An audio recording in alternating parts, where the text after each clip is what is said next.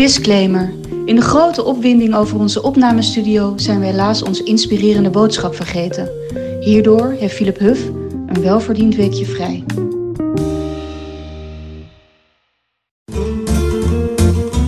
Een goede podcast is als therapie. Je kunt er al je shit kwijt. Wij, Stephanie Hogenberg en Janneke van Doorst, bespreken de heetste shit van de week en onze eigen shit. Zodat we samen met jullie weer een kilo lichter zijn. Welkom bij aflevering 32. Pas. Pas. We hadden al veel verder kunnen zijn. Ja. Ehm, we zitten nu weer op een andere locatie. Maar nu zitten we op stand. We zitten echt op stand. Dit is eigenlijk het niveau dat we willen blijven aanhouden. Ja. Via Twitter zei iemand dat hij eh, gek werd van eh, dat je de hele tijd vriend van de show moet worden van podcast. Ja. Wat ik een klein beetje kan begrijpen, omdat ik zelf ook geen zin hebben, zou, zou hebben in zo'n extra handeling. Nee. Het was Wout-Jan Balhuizen die dat zei. En toen zei ik tegen Wout-Jan, want hij zei niet dat hij het over ons had, maar het was gewoon zo'n ergernis-uitroep op Twitter. Van, Maar wij voelden ons wel aangesproken. Wij voelen ons aangesproken, want wij voelen ons bij alles aangesproken. We betrekken alles op onszelf. Ehm, toen reageerde ik erop met, dan moet je een studio aanbieden. En toen zei Wout-Jan, pakte zijn broer erbij. Juriaan, regel even een studio voor die vrouwen. En nu zitten we bij Juriaan, Balhuizen. Ja. En we hebben echt nog nooit in zo'n mooie studio gezeten. Het is een soort Amerika. Iets waar, we hebben net gezien hoe er een reclame wordt gemaakt. Met een. Geweldig ingericht. Geweldige foto's aan de muur. Zelfs in de wc. Gitaren hangen er overal. Het is niet zo kitsch ingericht als alle creatieve bureaus normaal gesproken doen. Ja. Dus met, met normaal werken ze met lichthout en met van die fragiele tafeltjes met dan zo'n industrieel design eronder. Van die stalen poten. Nee, dat, dat Scandinavische.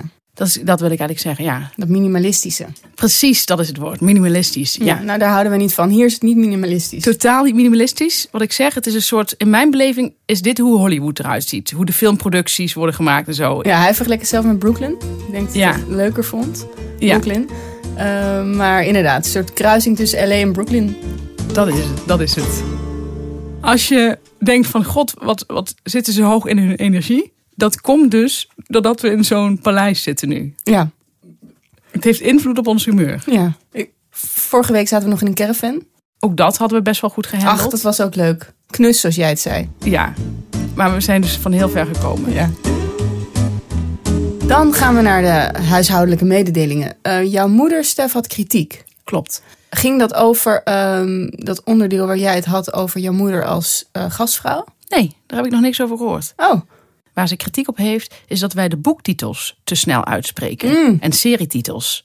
En dan moet ik zeggen, bij, bij Eastbound en Down kon ik dat heel goed begrijpen. Want die kon ik zelf, moet ik toegeven, op eigen houtje niet vinden. Want ik had het ook niet goed verstaan. Maar ik dacht, het ligt aan mij. ja. Maar nu weet ik, Ligt aan mij. ligt aan jou. Ja. Ja.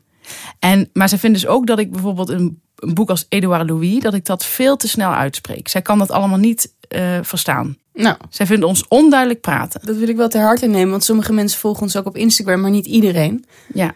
Dan denk je, nou, dan zien ze het daar wel. Ja, en wat ik nog één keer wil zeggen, dat heb ik al een paar keer gezegd, maar voor de mensen die hardlerig zijn, op Spotify heb je show notes. En dus op Spotify zie je onder de aflevering de titel staan van dingen die we hebben aangeraden. Is dat bij Apple niet? Apple Podcasts? Nee, ik geloof het niet. Oké.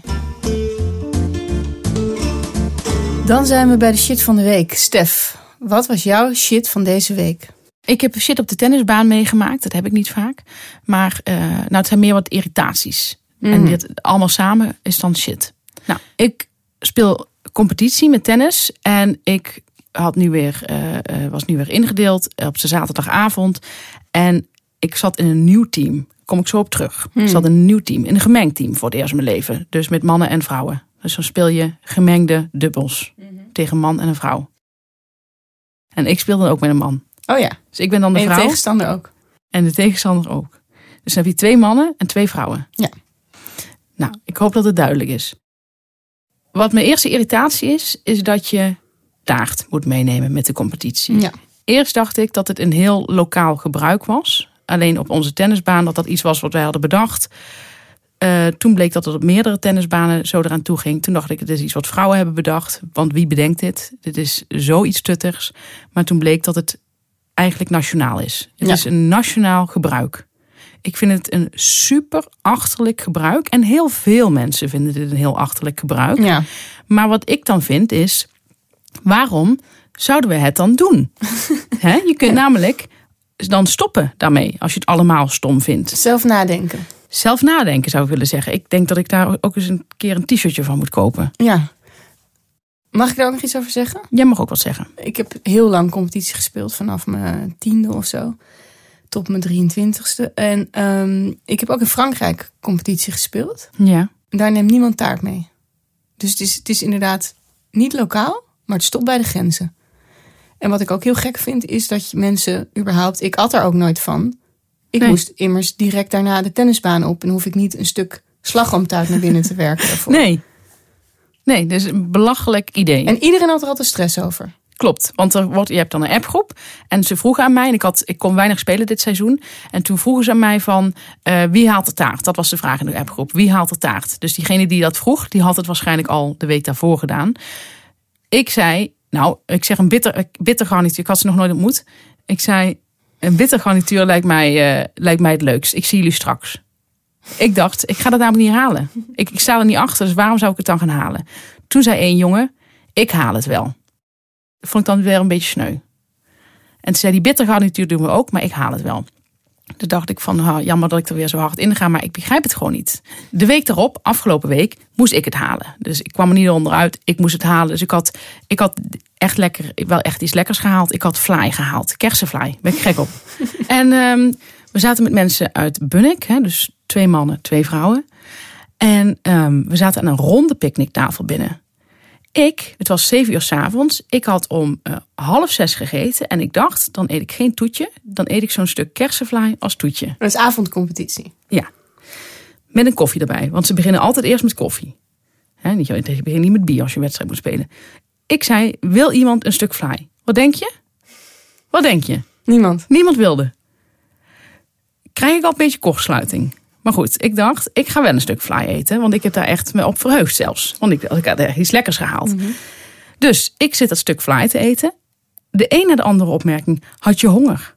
Had je nog niet gegeten? Nou, dan wil ik eigenlijk al een mitrailleur afvuren. Word ik helemaal lijp. Nou, Ongelooflijk. Een soort fly-shaming. Terwijl dit wordt aan mij gevraagd. Nou goed, dat was irritatie nummer één. Ik vind sowieso bemoeienis met de hoeveelheid die je eet sowieso heel vervelend. Heel erg Of vervelend. heel veel of heel weinig is. Eet smakelijk vind ik serieus echt al ontzettend impertinent. Als iemand eet smakelijk tegen mij zegt, die zelf geen eten voor zich heeft. Dat vind ik zo'n bemoeienis.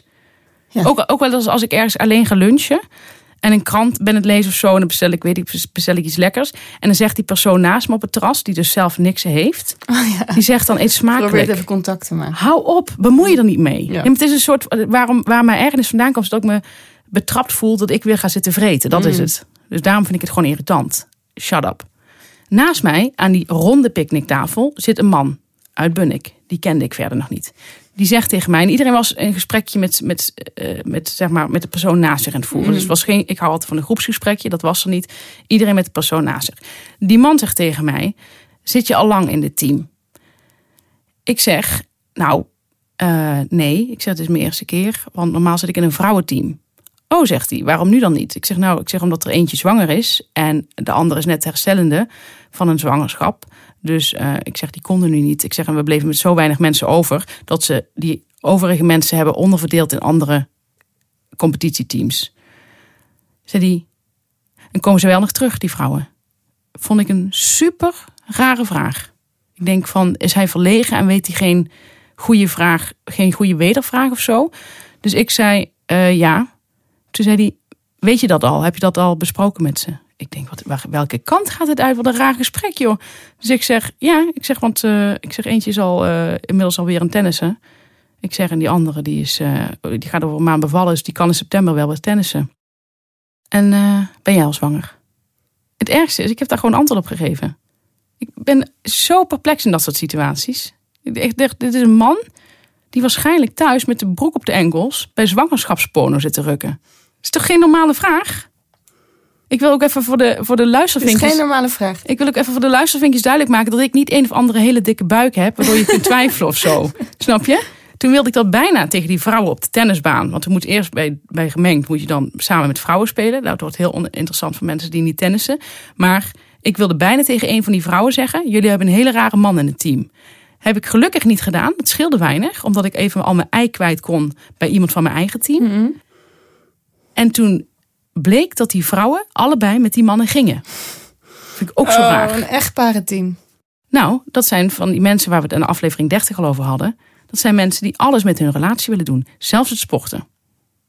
Vervolgens hebben we getennis. Nou, prima, hartstikke leuk. En daarna gingen we weer aan de picknicktafel zitten om een biertje te drinken. Het was afgelopen en ik had best wel een leuk team. Er waren leuke mannen met wie ik zat en er waren ook leuke, was ook een leuke vrouw.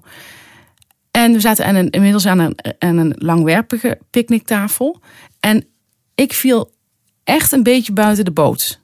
Dus naast mij was een jongen uit het team en praatte over cryptomunten met de vrouw tegenover hem. Super saai. Die vrouw stelde daar allerlei vragen over. Dat vond ik dan wel weer bewonderenswaardig. Denk ik, hoe weet zij al die vragen? Weet je wel? Ik- weet er echt niks over te vragen. Ik wil er ook niks over we- weten. Dat is, dat is ook iets. En naast mij waren ze ook over iets aan het praten waar ik ook niet echt bij kon. Dus ik zat een beetje daar zo. Op een gegeven moment dacht ik, ik denk, het zal wel goed komen. Weet je. wel. Op een gegeven moment kan ik wel weer ergens aanhaken of zo. Maar het duurde best wel lang. en ik vond het op een gegeven moment ook best wel saai worden.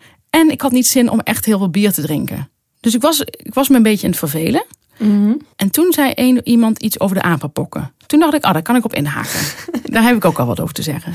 Dus toen zei ik, nou, het enige wat mij vervelend aan de apenpokken lijkt, is dat je drie weken in quarantaine moet. Ik zeg, en ik ben één week in quarantaine geweest toen ik corona had. Ik zeg, en ik ben iemand die heel goed binnen kan zitten en heel erg daarvan houdt. Maar zelfs ik vond het moeilijk. En toen zei die vrouw tegenover mij, nou, ik heb drie weken binnen gezeten toen ik corona had.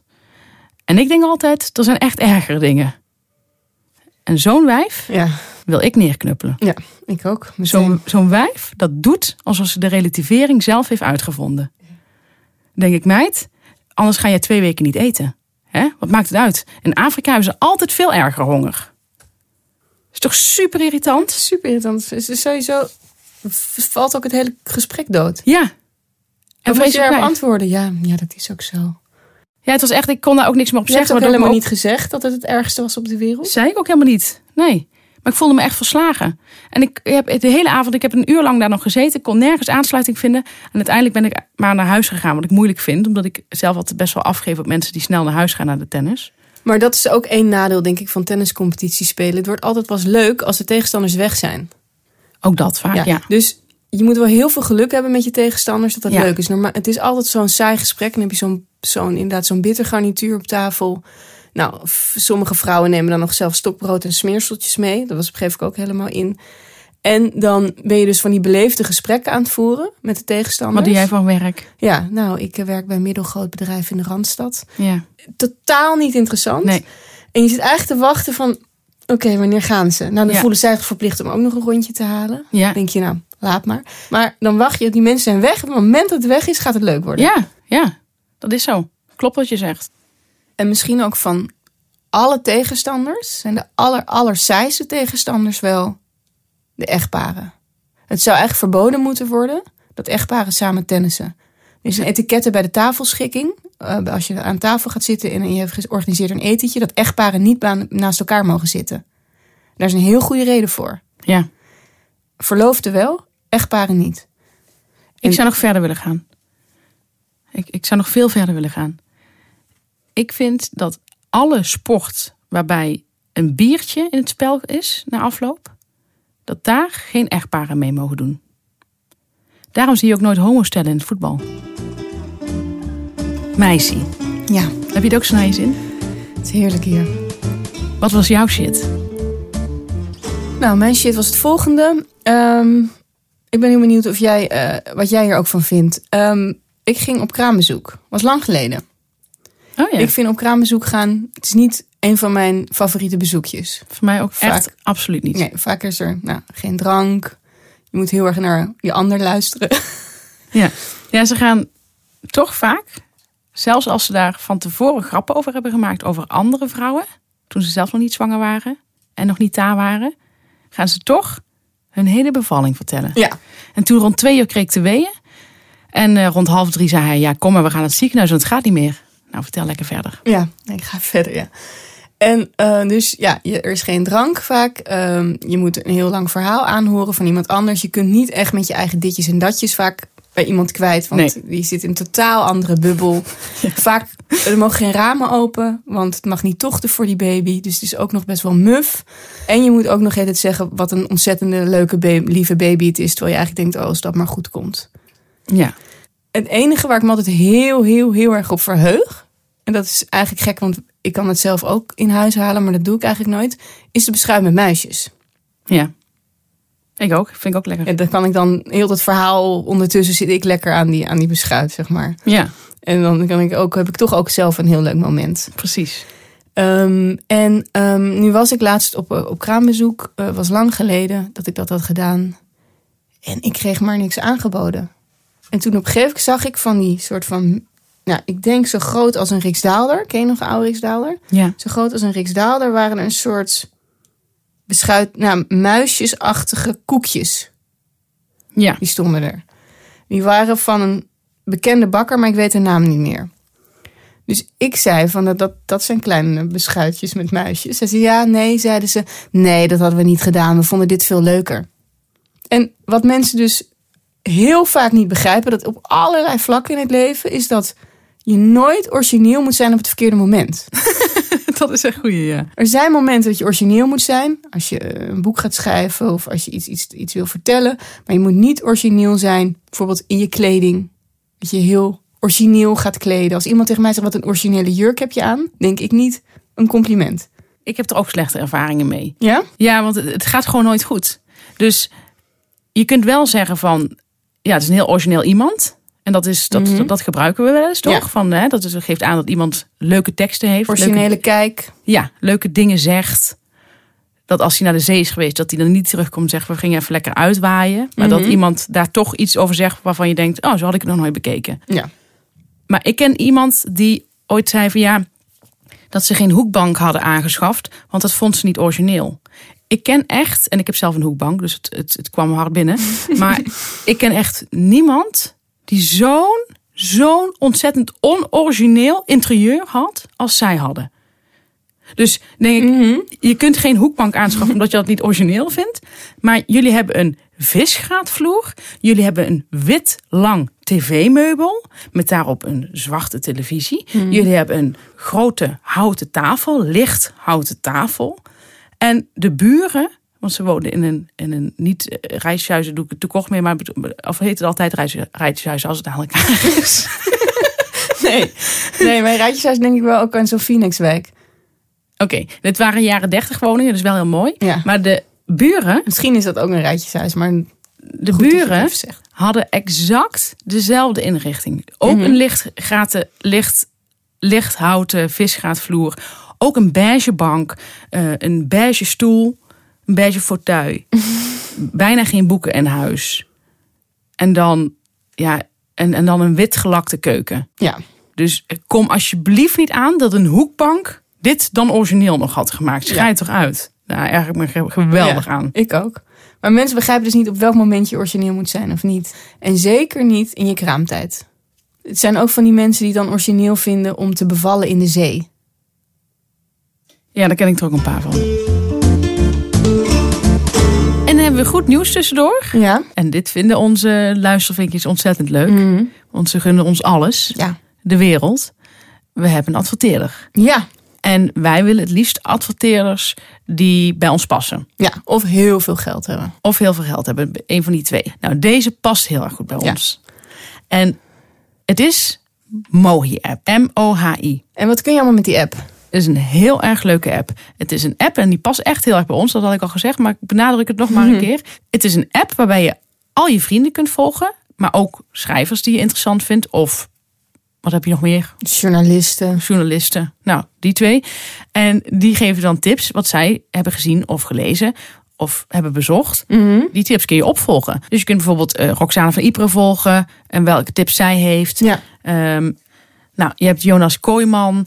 Dat is een heel leuk iemand om te volgen. Die heeft allemaal goede tips. Je hebt eh, Julien Altuisjes. Ik noem even wat namen. En die namen die delen dan wat zij leuk vonden. Dus je hoeft nooit meer in je vrije tijd te denken... wat zal ik eens gaan kijken of welk boek moet ik lezen. Dus als je klaar bent met onze tips, dan kun je naar Mooi app. Dan kun je naar Mooie App. En wij staan ook op Mooie App. Ja. Dus al onze tips kun je terugvinden op Mooie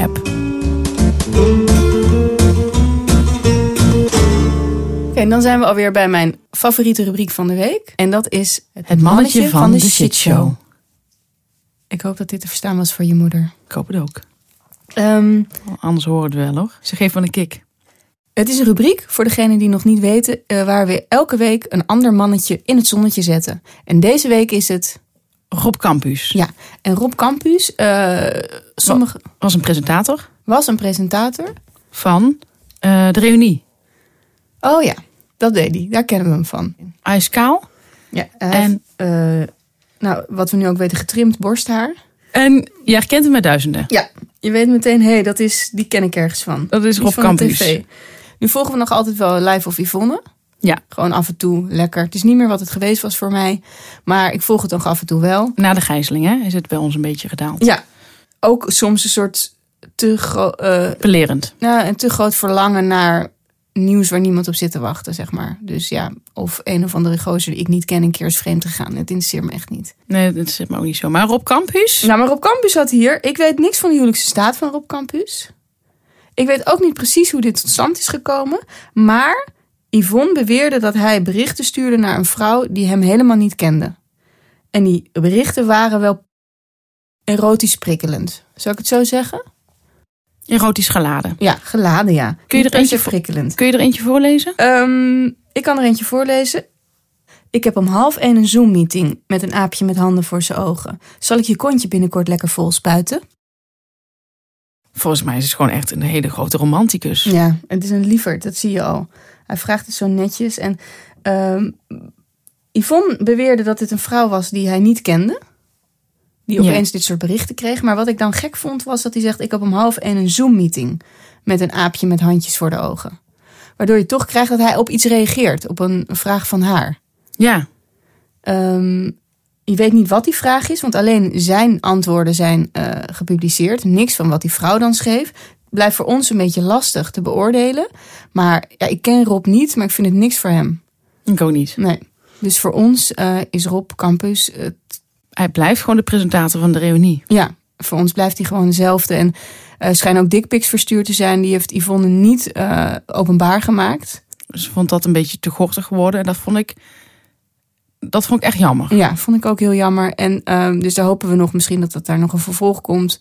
Ehm, maar ik wil alleen maar zeggen, deze week is Rob Campus het mannetje van de shitshow. Rob, ga zo door.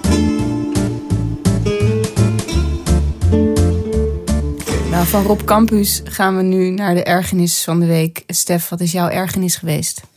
Ik heb een ergernis en daar loop ik wel eens vaker tegenaan. Nou, dit was de tweede keer. Het zit zo... Waar ik me aan stoor is... Ik ging ook op kraamvisite. Oh, En eh, ik heb weer een hele andere ergernis daarop gedaan. Hmm. Eh, het gaat eigenlijk niet zozeer over het kraambezoek. Het, is, het gaat meer, over iets anders. Het ging als volgt. Ik, kijk, het leukste vind ik om met kraamvisite een, een boek cadeau te doen. Dat vind ik eigenlijk het altijd het leukste cadeau. Ik weet niet wat de, wat de smaak is van mensen met kleding. Je, heel veel vriendinnen geven dan heel veel dingen aan de crash weg. Omdat ze het zo lelijk vonden wat ze van pakjes hebben gekregen. Dus dat is eigenlijk meteen een advies van mij. Geef gewoon geen kleding. ja. Dat hebben mensen al genoeg. En vaak heb je gewoon niet dezelfde smaak.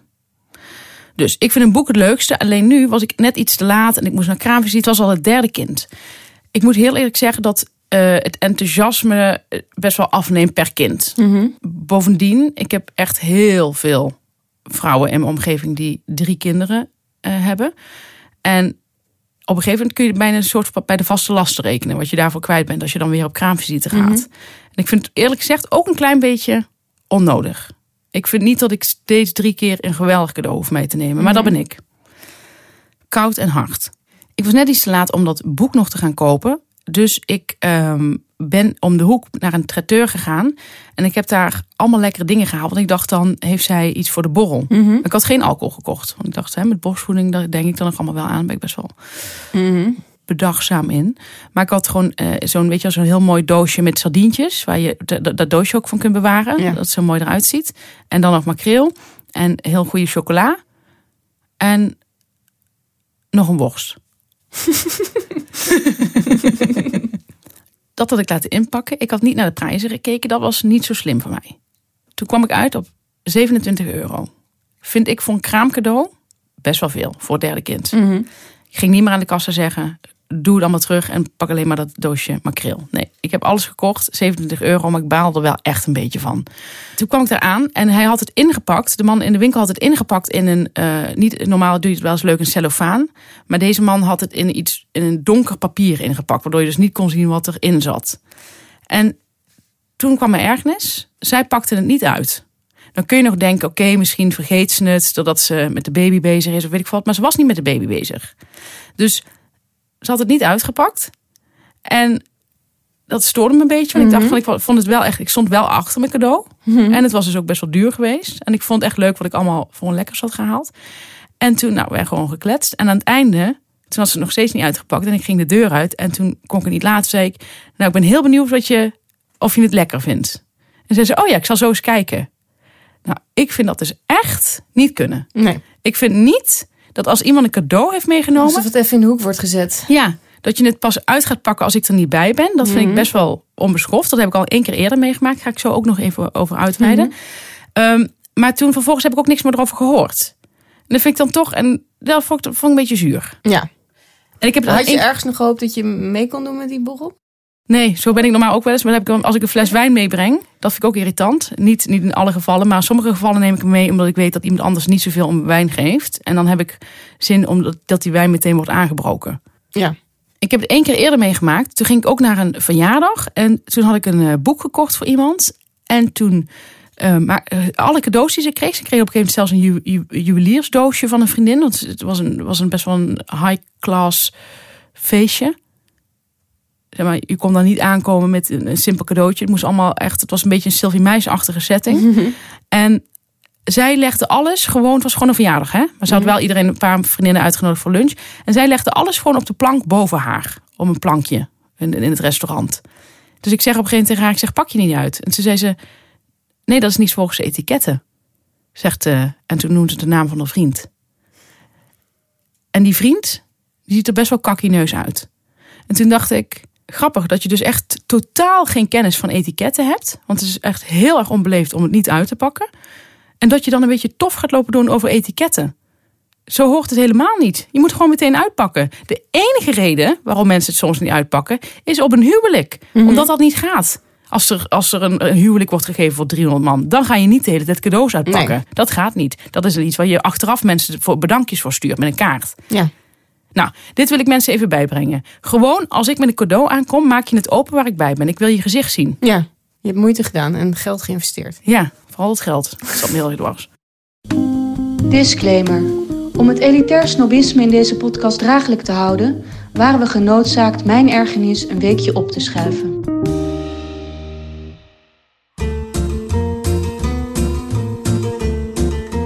Warme boodschap? Dan zijn we bij de warme boodschap. Ja, ik heb een beetje. Het, het zou kunnen aandoen als een. Ik heb een beetje een eh, aparte warme boodschap. Hm. Het kan kinderachtig klinken voor sommige mensen. Oké. Maar tegen die mensen heb ik het niet. Als mensen denken, wat klinkt het kinderachtig? Dan moet jij je niet aangesproken voelen. Oké. Ik heb nu in de afgelopen maand twee mensen, twee vrienden, ontmoet. Nou, niet ontmoet, ik ken ze al. Maar ik ging wat met ze drinken. En dan zeggen ze zo een beetje zo verlekkerd van... eh, dan heb ik het over een boek dat ik heb gelezen. En dan zeggen ze, ik zou ook wel weer eens willen lezen. Dan vraag ik, wat let je? En dan zeggen, zeggen dus die twee mensen afzonderlijk van elkaar... ja, in de zomer ga ik weer lezen.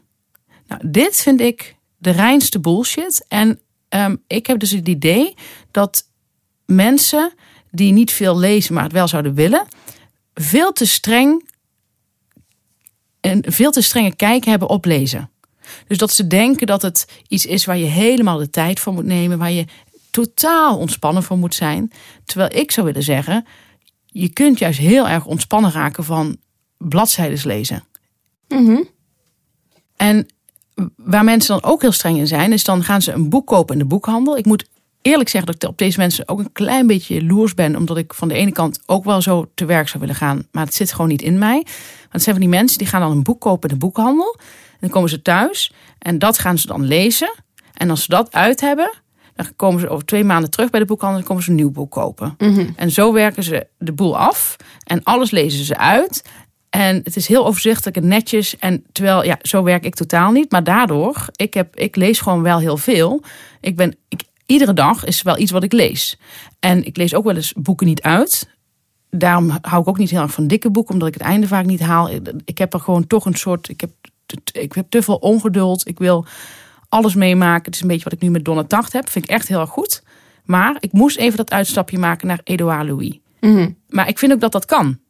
Daar, zo, daar sta ik echt achter. Ik vind Ja. echt, ik voel me daar niet schuldig over. Ik vind echt dat je, wat betreft lezen, op je impulsen mag afgaan. Ja. En dat je veel meer tot je moet nemen. En dat je lezen niet zo streng moet zien. Dat je Nee, niet je kan denken, dingen door elkaar lezen gewoon. Ja, dat kan. En sommige mensen, sommige, iemand zei ook tegen mij heel een beetje met een verwijtend toon van, ja, jij leest boeken door elkaar. Dat, dat, dat doe ik echt niet. Ja, wat maakt het uit? Iedereen heeft zijn eigen wijze. Maar ik vind het heerlijk. Ik, ik ga donderdag nog wel uitlezen. Of niet. Maar wat maakt het uit? Ik Ja. ben gewoon van alles aan het lezen. En ik, Ja, ik heb ook wel eens dat mensen dan tegen mij zeggen van... Nou, waar haal je de tijd vandaan? ja, Dat ik denk, ja, waar haal je de tijd vandaan? De ta- tijd maak je. Ik bedoel, ik heb evenveel tijd als jij in principe. ja, Want we zitten in hetzelfde schuitje met een gezinsleven en alles.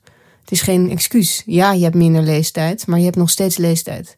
Want je kunt ook eh, televisie kijken en je kunt ook ehm, de hele avond whatsappen. Weet je, dus je hebt heus wel ergens tijd. Alleen je moet er misschien iets zorgvuldiger mee omgaan. Dus je moet een keuze maken. Ja. En eh, veel mensen vinden ook of lezen iets voor het slapen gaan. Ja, Terwijl de meeste mensen bek af als ze in bed liggen. Ik kan zelf, ik lees ook wel graag in bed. Alleen ik, ik haal nooit langer dan twee pagina's. ik ook niet. En dan moet ik ze vaak ook de volgende dag weer nog een keer lezen. Ja. Dus ik, als ik thuis kom smiddags en ik heb even een uurtje niks te doen, dan pak ik even een boek erbij. En dan eh, misschien lees ik maar twee pagina's en leg ik het weer weg. Mensen hebben ook het idee dat ze als, ze, als ze dan eenmaal een boek in hun handen hebben, dat ze dan meteen 50 pagina's moeten lezen. Hou eens op zeg. Waar, Nou wat- ja, al is het soms wel lastig om ehm, eh, te stoppen. ja dat, maar dat, dat is prima. Ja. Maar ik vind dat mensen zich te veel druk opleggen. Daar gaat het Ja. mij om. Dat ze niet moeten denken dat het meteen 50 pagina's moeten zijn. Ik ben zelf een heel langzame lezer. En ik, ik haal het dus niet 50 pagina's achter elkaar. Bovendien raak ik altijd wel weer afgeleid tussen die pagina's. Maar ik vind het wel lekker om even, als ik echt wil ontspannen, kan ik het heel lekker vinden om iets te lezen. En dan pak ik bijvoorbeeld Misé.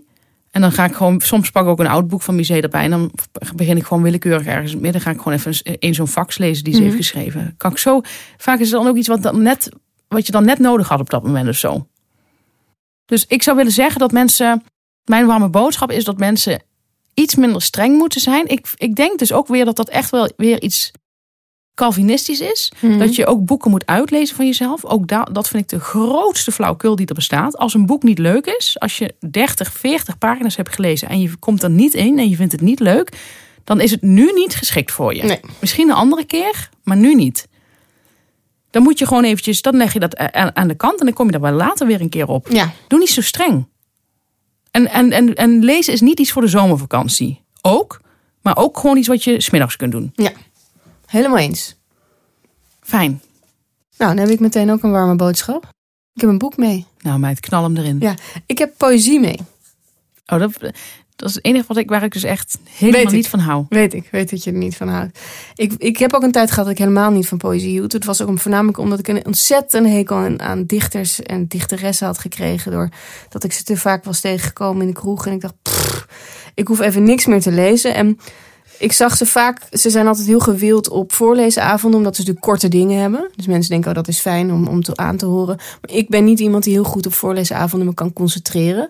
Ik ben eigenlijk met andere dingen bezig. eh, en ik heb dus echt bijna nooit dat ik daarna dacht dat ik iedereen heb gehoord. Ik hoorde dan wel eens mensen, oh die was goed. En ik, oh, ik weet echt totaal niet meer wat, waar diegene een verhaal over heeft verteld.